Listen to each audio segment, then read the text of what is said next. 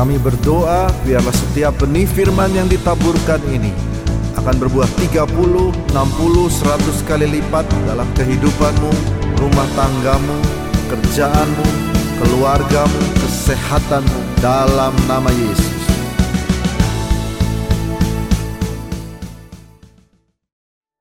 Seri Family, kita akan sampai seri Family sampai bulan Juli. Dan hari ini Family Series berbicara tentang Dreams Do Come True. Ini merupakan seri lanjutan. Apabila saudara mau mengikuti seri-seri sebelumnya ada di YouTube Gereja JCC Cijantung. Dreams do come true. Mari kita baca bersama satu dua tiga. Dreams do come true. Kemarin malam saya mempersiapkan firman ini, saya telepon beberapa hamba Tuhan senior dan saya bilang, Pak saya ingin jemaat dan keluarga, mimpi-mimpi mereka dapat diwujudkan. Entah ekonomi, entah keluarga, sekolah, anak-anak dan sebagainya. Dan beberapa hamba Tuhan senior ini memberikan saya dua ayat, dia bilang sampaikan ini. Dan inilah ayat yang pertama, mari kita baca. Bentar ya.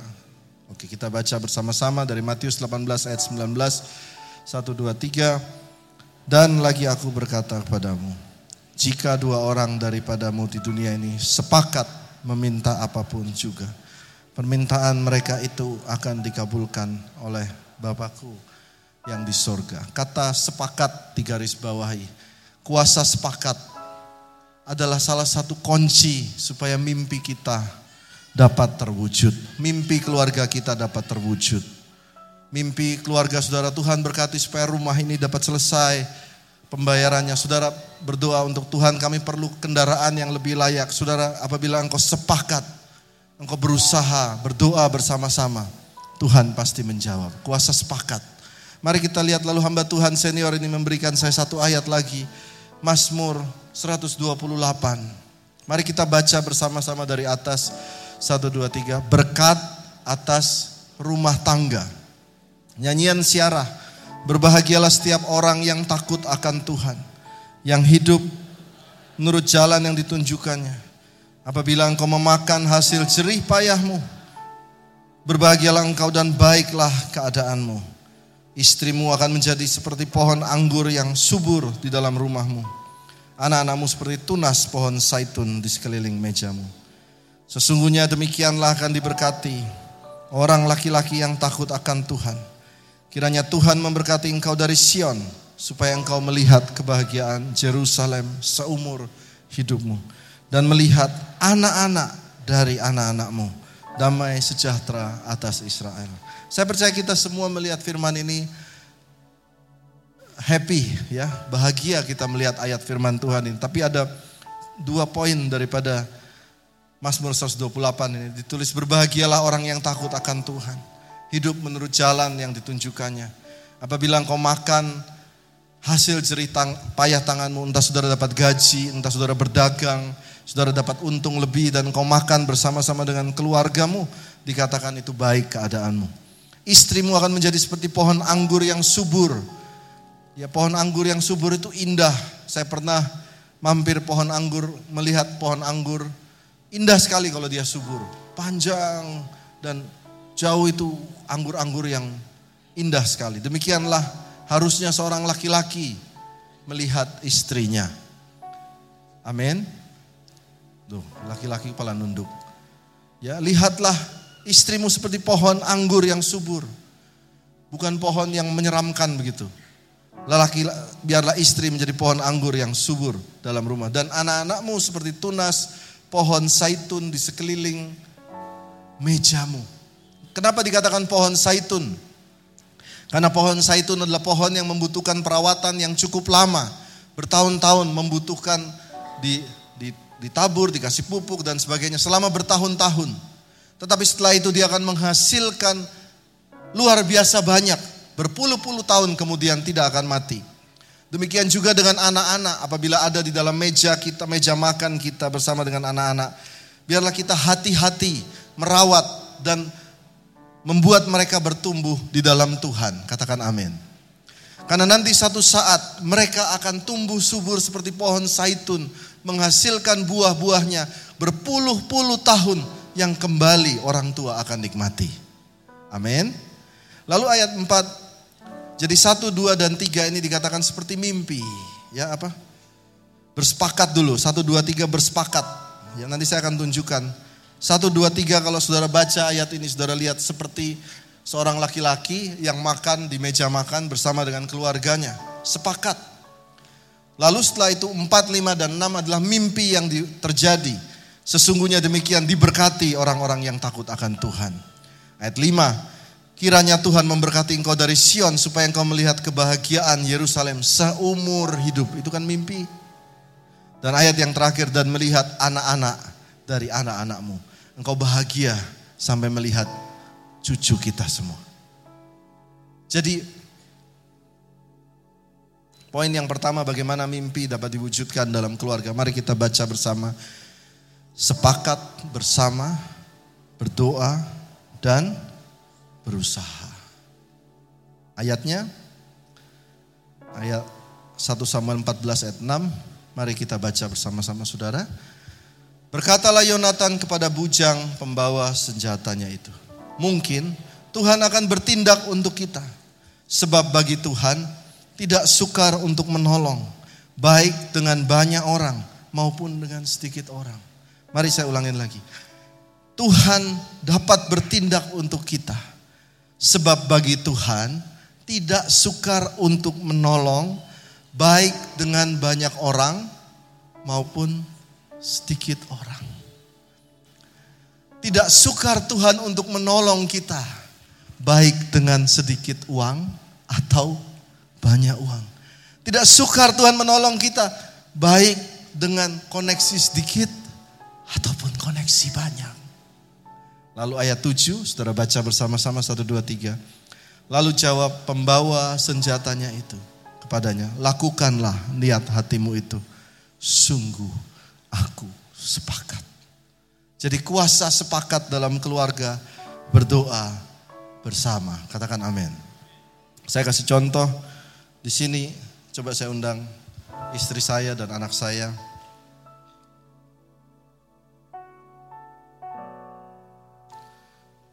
Ya, ini adalah contoh doa yang sepakat.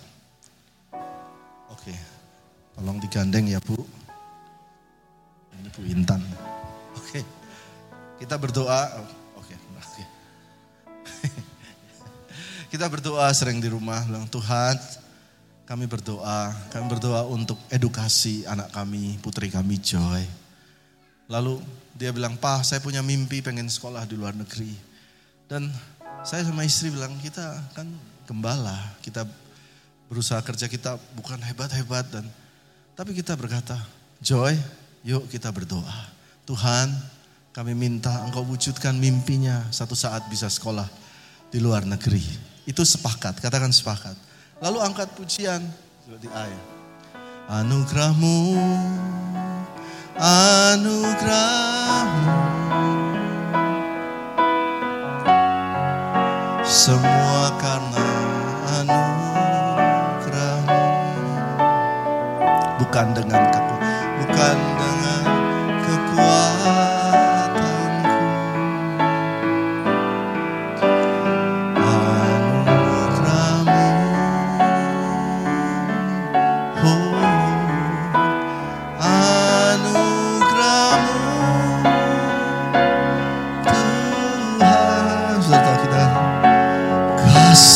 dan sayang sumber kekuatan bagiku. Kalau saudara lalu berdoa lagi, aduh gak kuat. Angkat lagi kasih dan sayang sumber kekuatan bagiku. Buat saudara yang merasa kurang kuat, mari angkat tangan saudara kasih dan sayang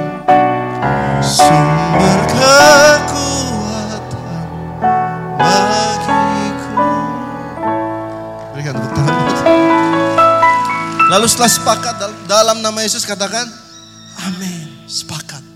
Oke. Nah paling penting untuk kita sepakat dengan siapa? Sepakat itu paling bagus dengan keluarga kita sendiri. Betul kan? Dengan istri kita, dengan anak kita.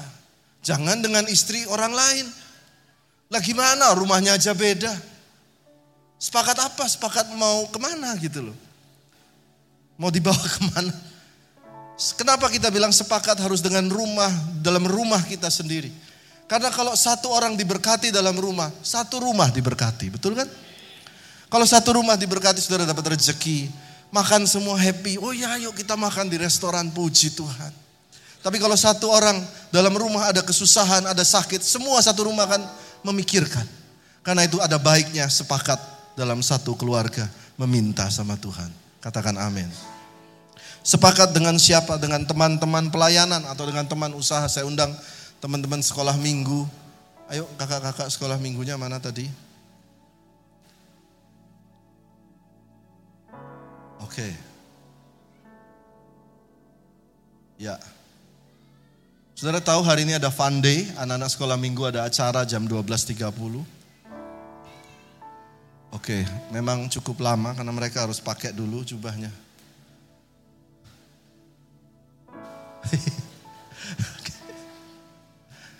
Oke. Maju sedikit, maju sih, maju sih, maju, maju, maju, maju, maju lagi. Lompat situ takut. Oke, maju sini, ya. Ini semua kakak-kakak sekolah minggu Kakimu yang mana? Hei.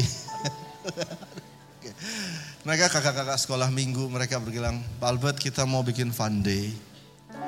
Lalu mereka bilang, bagaimana Pak Albert? Lalu mereka sampaikan ada budget. Dan mereka takut nyampaikan ke saya karena mereka tahu bagaimana pengeluaran gereja ini cukup cukup banyak. Jadi saya bilang sama Bu Gembala, kita harus support mereka. Lalu kita angkat tangan, kita percaya kita berdoa, guru sekolah minggu semua berdoa. Kasih dan sayangmu sumber kekuatan. Ayo gandeng dong. Bagiku lucu. Katakan kasih dan kasih dan sayang. Oh tuh sumber kekuatan bagiku. Dan tiba-tiba kostum ini bermunculan. Berikan tepuk tangan buat Tuhan. Lalu kita berdoa Tuhan anak-anak Fande. Lalu kami melihat di, di mall ya. Di mall itu ada di mall di Pik saya lihat ada acara mewah sekali pakai Flying Fox.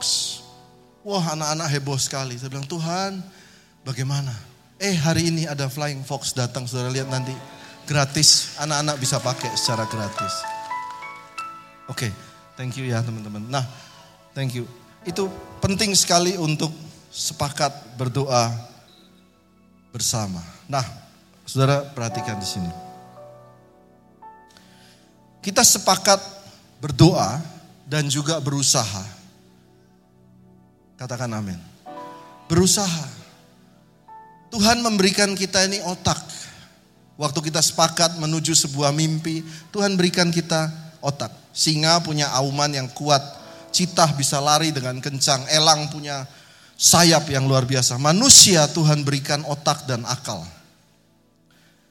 Kalau saudara tahu, saudara berdiri di sini, saudara di atas sana di langit ada pesawat yang seliweran.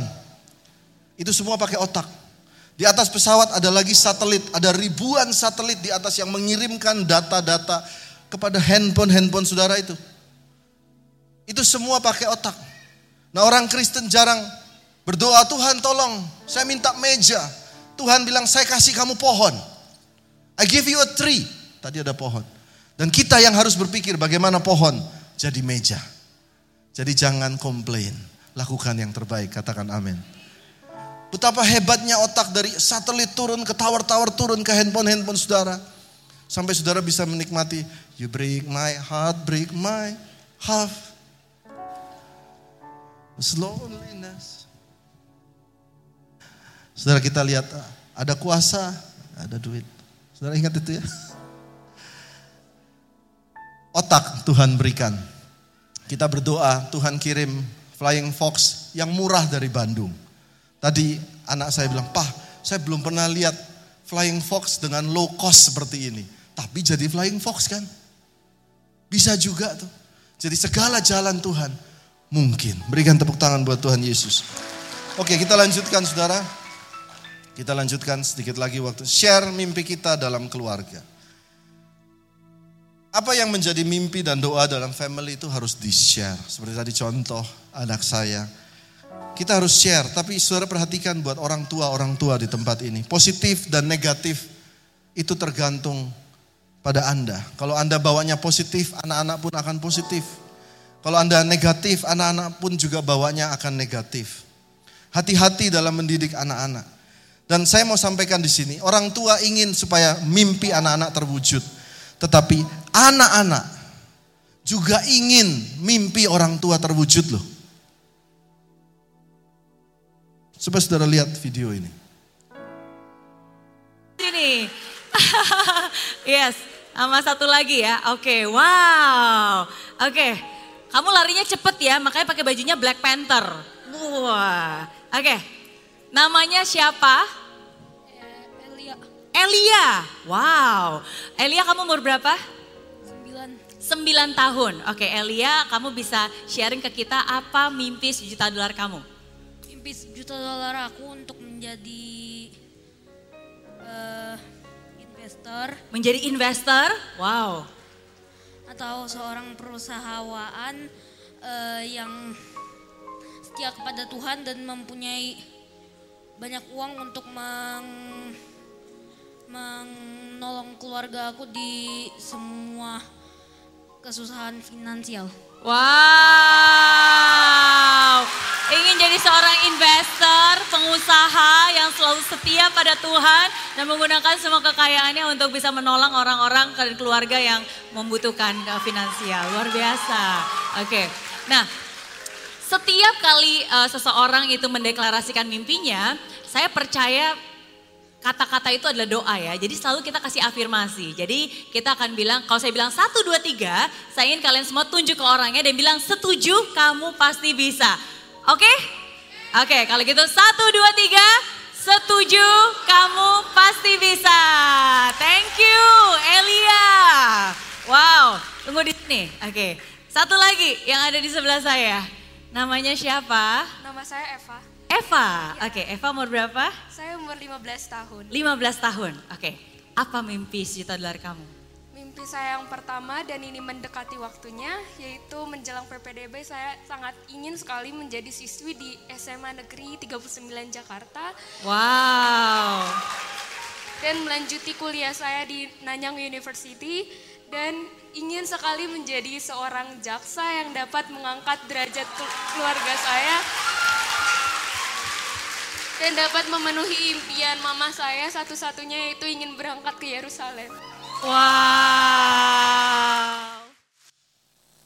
Saudara lihat, waktu orang tua sedih tentang kesulitan ekonomi, lihat baik-baik, orang tua termasuk saya. Anak itu catat dalam roh dan hati mereka. Jadi waktu lihat anak yang pertama dia bilang, saya pengen nanti kaya supaya saya bisa tolong kesulitan finansial orang tua saya. Saudara tahu itu hati anak itu seperti itu, ya saudara. Demikian juga saudara lihat yang anak kedua namanya Eva. Dia bilang saya ingin satu hari saya jadi jaksa agar mengangkat derajat keluarga saya. Mungkin, mungkin. Orang tuanya mungkin nggak ngomong. Mungkin pernah keluarganya derajatnya direndahkan orang. Ngerti saudara? Dan itu membuat dia luka. Dia pengen satu hari mewujudkan mimpi orang tuanya. Jadi di sini saya mau lanjut poin berikutnya. Orang tua berusaha mewujudkan mimpi anak, demikian juga sebaliknya.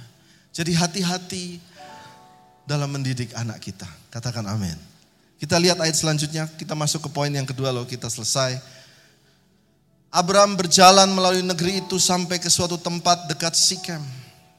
Yakni pohon terbantin di More. Mari kita baca yuk, setelah ini tinggal beberapa ayat terakhir. Abraham berjalan melalui negeri itu sampai ke suatu tempat dekat Sikhem.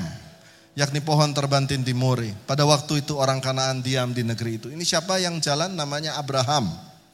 Ke kota namanya Sikhem. Ayat 7, ketika Tuhan menampakkan diri kepada Abraham dan berfirman, Ayo baca, aku akan memberikan, I will give you this land. Aku akan memberi negeri ini kepada keturunanmu.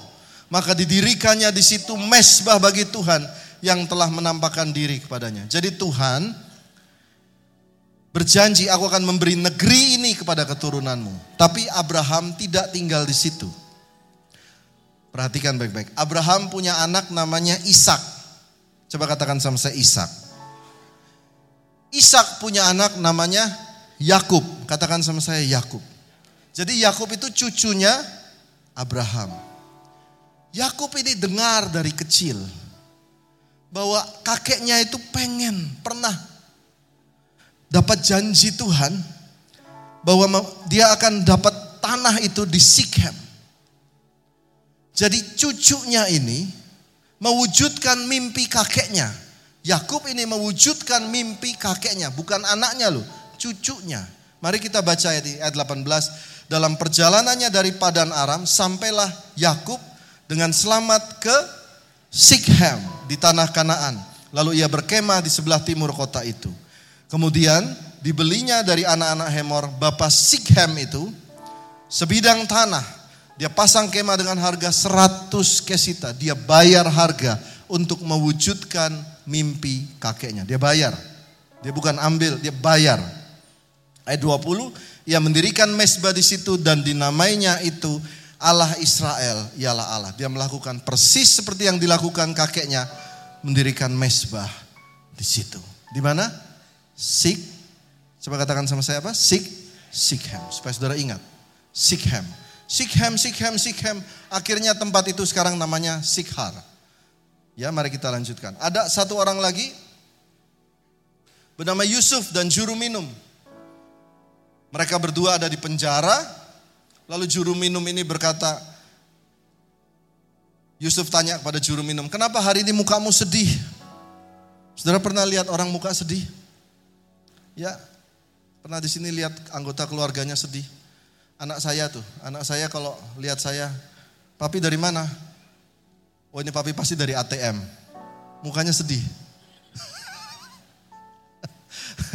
Tiap kali ke ATM, aduh papi mukanya lagi sedih.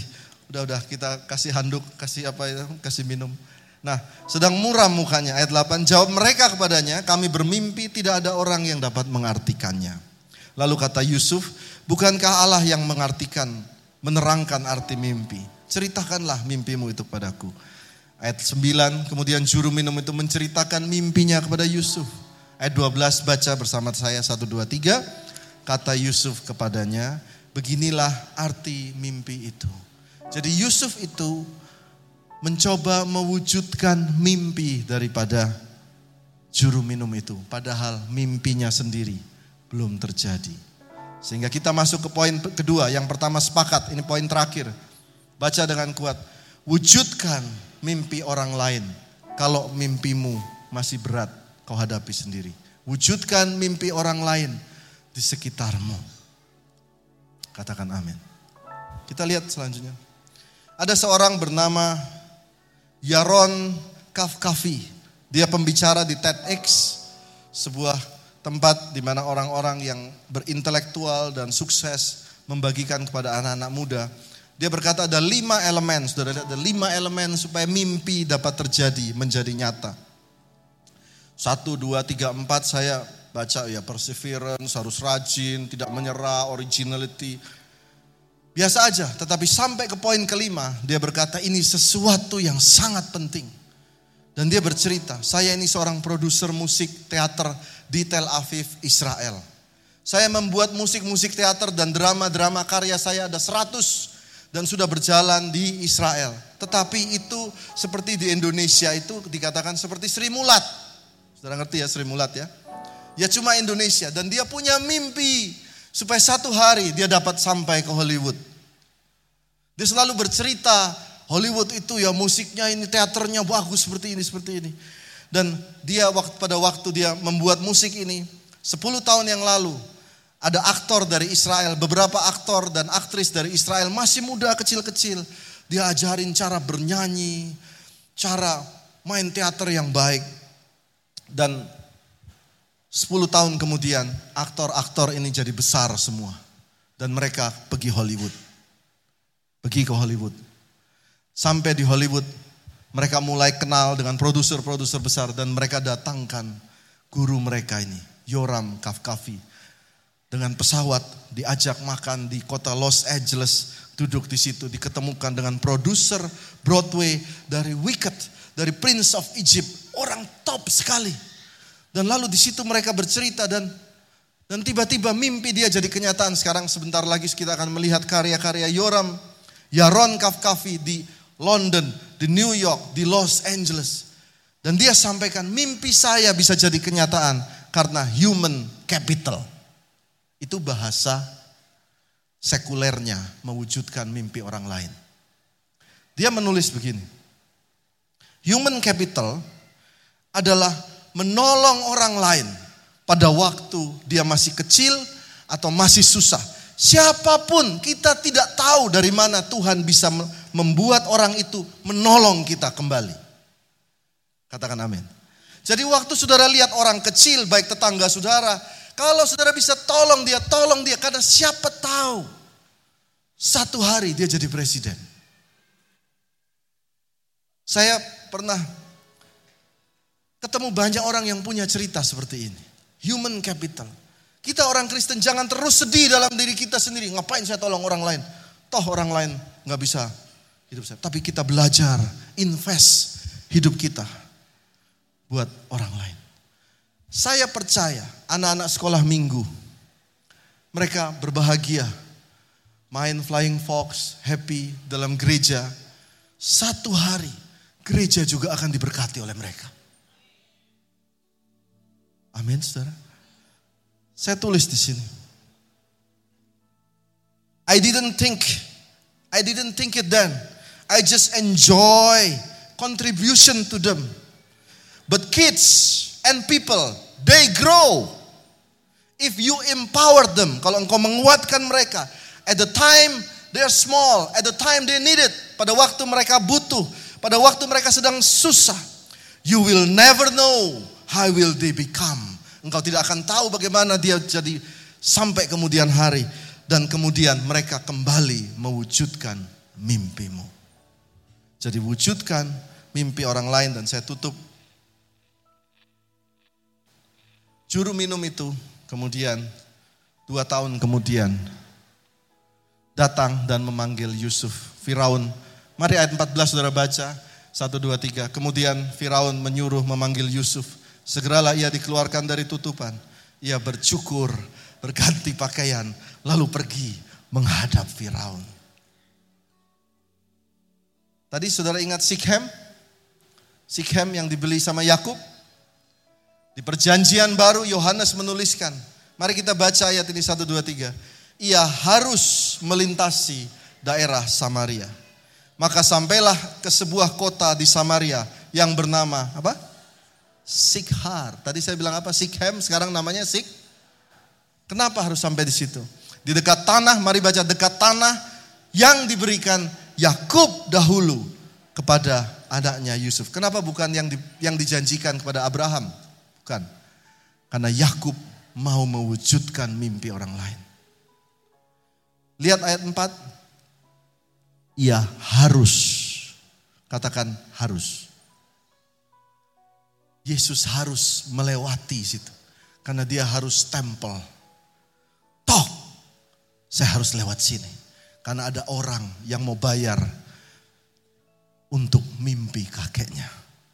Katakan amin. Ingat saudara, sebagai penutup. Kadang, ini sebagai penutup ya saudara. Kadang kalau kita tolong orang, lalu orang itu akan berkata begini. Nanti ya, kalau kamu susah saya akan bantu. Seringkali saya juga mengalami pada waktu kita susah kita butuh bantuan, kita telepon orang tersebut atau WA. Seringkali gak diangkat. Betul gak? Kalau saudara lagi butuh, orang tiba-tiba hilang semua kan? Itulah dunia. Orang tidak ingat, tetapi Alkitab menulis. Ini saya tulis di sini. Tetapi Tuhan mengingat Yusuf. Tetapi Tuhan mengingat Nuh. Tetapi Tuhan mengingat Yakub. Lalu satu lagi ditulis, tetapi Tuhan mengingat janjinya dan membuat pelangi. Jadi ingat waktu engkau berkontribusi, mewujudkan mimpi orang lain. Jangan harap orang itu balas saudara. Tapi Tuhan mengingatmu. Katakan amin. Berikan tepuk tangan buat Tuhan Yesus. Nanti kita akan berdoa sama-sama. Sepakat. Saya percaya saudara diberkati. Mari kita bangkit berdiri. Apa yang saudara ingat? Pertama kuasa sepakat. Yang kedua belajar mewujudkan mimpi orang lain. Mari kita angkat pujian ini. Kasih dan sayangmu sumber kekuatan bagiku. Kasih dan sayang sumber kekuatan bagiku. Kasih dan